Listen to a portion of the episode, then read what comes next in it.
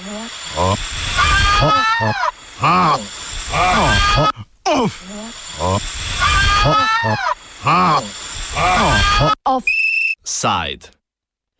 Tuzla. Indeks kvalitete zraka ob 13. 152, nezdrav. Opozorilo. Možen pojav krepljenih simptomov in intenzivnost bolezni pri ljudeh s srčnimi boleznimi in boleznimi respiratornih organov, kot je astma. Vsi ostali bi lahko občutili negativen vpliv onesnaževanja na zdravje. Navedene skupine morajo zmanjšati vsakršne fizične aktivnosti. Pljučni in srčni pacijenti, nosečnice, otroci in starejše osebe. Daljšim ali večjim naporom zunaj bi se morali izogibati tudi vsi ostali.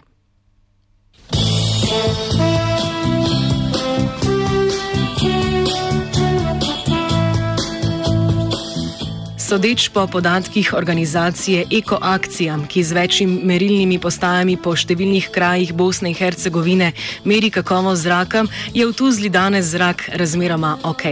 Razmeroma, ker hiter pogled na decembrske meritve razkrije vsako letno realnost zimskih mesecev v Tuzli. 23. decembra zrak nezdrav, 22. zelo nezdrav. 21. zelo nezdrav, 20. nezdrav in tako naprej.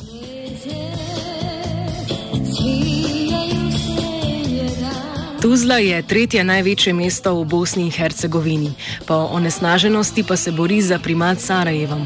Skupaj s prestolnico tvorita udarni dvojec, ki redno zaseda lestvice mest z najbolj onesnaženim zrakom na Balkanu.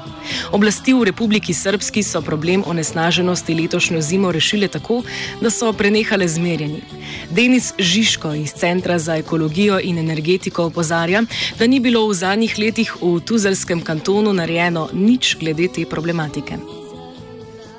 Što se tiče zagađenja zraka, nema apsolutno nikakvih pomaka, jer uh, opet se vraćamo na elektroprivredu, odnosno termoelektranu Tuzla koja je neosporno najveći zagađivač ovdje u, u, u Tuzli, odnosno u ovoj našoj Tuzlanskoj kotlini koja pokriva i Tuzlu i Lukavac, a oni u zadnjih, može se reći desetak godina nisu uložili ni, jednu, ni jedan euro u nekakve mjere za smanjenje zagađenja bili su dužni do 1. januara ove godine izaći sa financijskim planom za o, postrojenje za odsumporavanje, pošto mi termoelektrana Tuzla emituje nekih 70.000 tona sumpor dioksida na godišnjoj bazi. naravno oni taj plan nisu usvojili otežu sa nekakvim studijama utjecaja na okoliš, već četiri godine nisu bili u stanju da naprave kvalitetnu studiju utjecaja na okoliš koja je na kraju i osporena i odbijena, zahtjev je odbijen strane e, Federalnog ministarstva okoliša i turizma. Praktično kupuju vrijeme da ne bi ništa uradili i uporno se prebacuje odgovornost na kućna ložišta, na saobraćaj, ne znam ja više na šta. Ovaj, i, i, ništa se praktično nije uradilo, niti se to promijenilo. Tuzla na severovzhodu Bosne in Hercegovine leži na velikih zalogah soli in premoga. Če je rudnik soli kriv za dobesedno počasno pogrezanje Tuzle, pa sta ravno rudnik premoga in pripadajoča termoelektrarna kriva za težave z zrakom. Termoelektrarna Tuzla je največja v državi in je v 90 odstotni lasti Federacije Bosne in Hercegovine.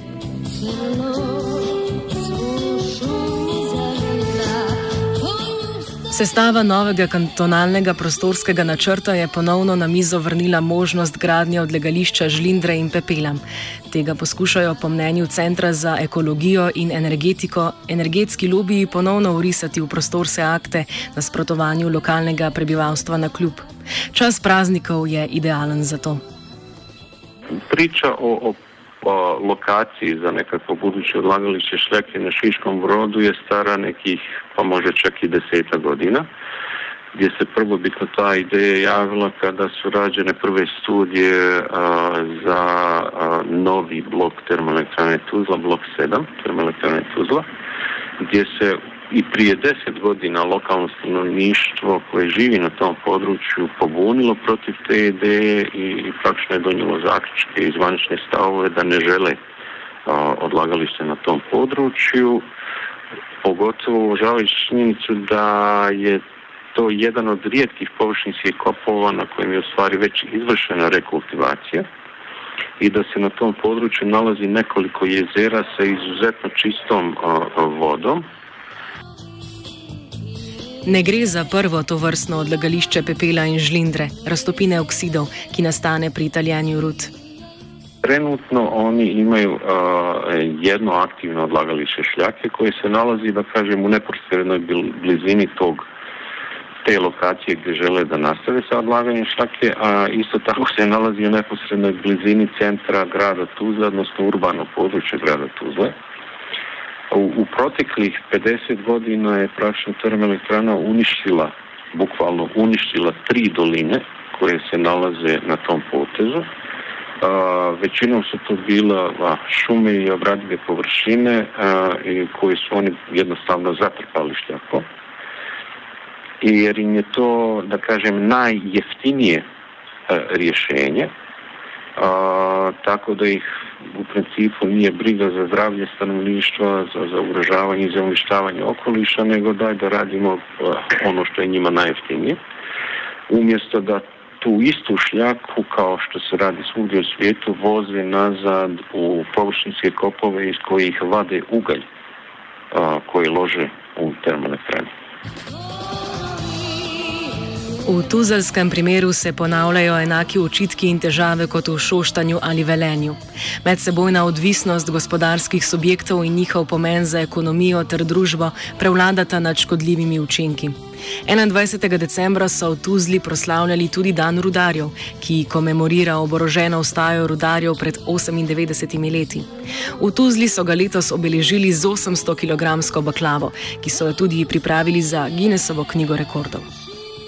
Trenutno u termoelektrani rade četiri bloka, od kojih je, da kažem, najmlađi je 40 godina star. Ono što se planira u skorijem periodu i prema preuzetim obavezama kroz ugovor o energetskoj zajednici je da se dva bloka, odnosno blok 3 i blok 4 zatvore do 2023 pošto se u njih neće ulagati više u, u, mjere zaštite zagađenja zraka, a planira se nastaviti raditi sa blokovima 5 i 6 u koji trebaju da ulože ovaj, sredstva u opremu za odsumporavanje da bi se do 2027. te emisije dovele u granice koje su definisane ID direktivom, to znači direktivom o industrijskim emisijama. Nažalost, još uvijek se ništa nije uradilo po tom pitanju, sve se nešto oteže čeka, to je trebalo već davno da se krene, a u perspektivi oni planiraju i pokušavaju izgraditi blok 7, koji nazivaju zamjenskim blokom, koji bi a, radio, da bi se isplatio, trebalo da radi neki 40, odnosno 50 godina, Sedmi blok bo, nepresenetljivo, dvignil ravni izpustov oglikovega dioksida. Smernice Evropske unije in pariškega podnebnega dogovora očitno ne skrbijo kantonalnih ter državnih oblasti. Prehoda na obnovljive vire energije še ni na vidiku. Koliko se izgradi blok 7 povečati CO2 emisije v 2030, što nema nikakve logike i, i praktično je, mi smo to više navrata nazvali dolazimo u stranded assets, da ćemo biti primorani da za nekih 20 godina zatvorimo ta objekat a, ili 25, nebitno. A, a nećemo biti još uvijek u mogućnosti da otplatimo kredit a, koji će se uzeti i za koji će garantovati država, odnosno Federacija Bosne i Hercegovine, tako da će građani na kraju morati plaćati ovaj kredit za investiciju za koju se u startu zna da je neisplativa. Nešto slično ste i vi napravili u termoelektrani Šoštanj koja vam svake godine donosi milijonske gubitke, nažalost. Večina strank v kantonalni skupščini se je sicer poleti javno izrekla proti novemu odlagališču žlindre in pepela. Kot podari Žiško, so bile takratne obljube dane v predvoljivnem času. Problem je u tome što su uh, političke partije ovaj, dale, svoje, dale svoje obećanje i saopštenja u sedmom mjesecu, a sedmi mjesec je bio praktično početak uh, kampanje, predizborne kampanje. Tako da su u toj predizbornoj kampanji svi oni željeli da pokažu kako su jel, vode brigu o svojim građanima i u stvari tim izjavama su prikupljali političke pojene. Naravno, kampanja je prošla, nekakva vlast se formira, tako da je pitanje da li će oni ovaj, podržati ta obećanja. Zato. Na tem mestu velja rudarski pozdrav nameniti tuzlanskim okoljevarstvenikom. Sretno!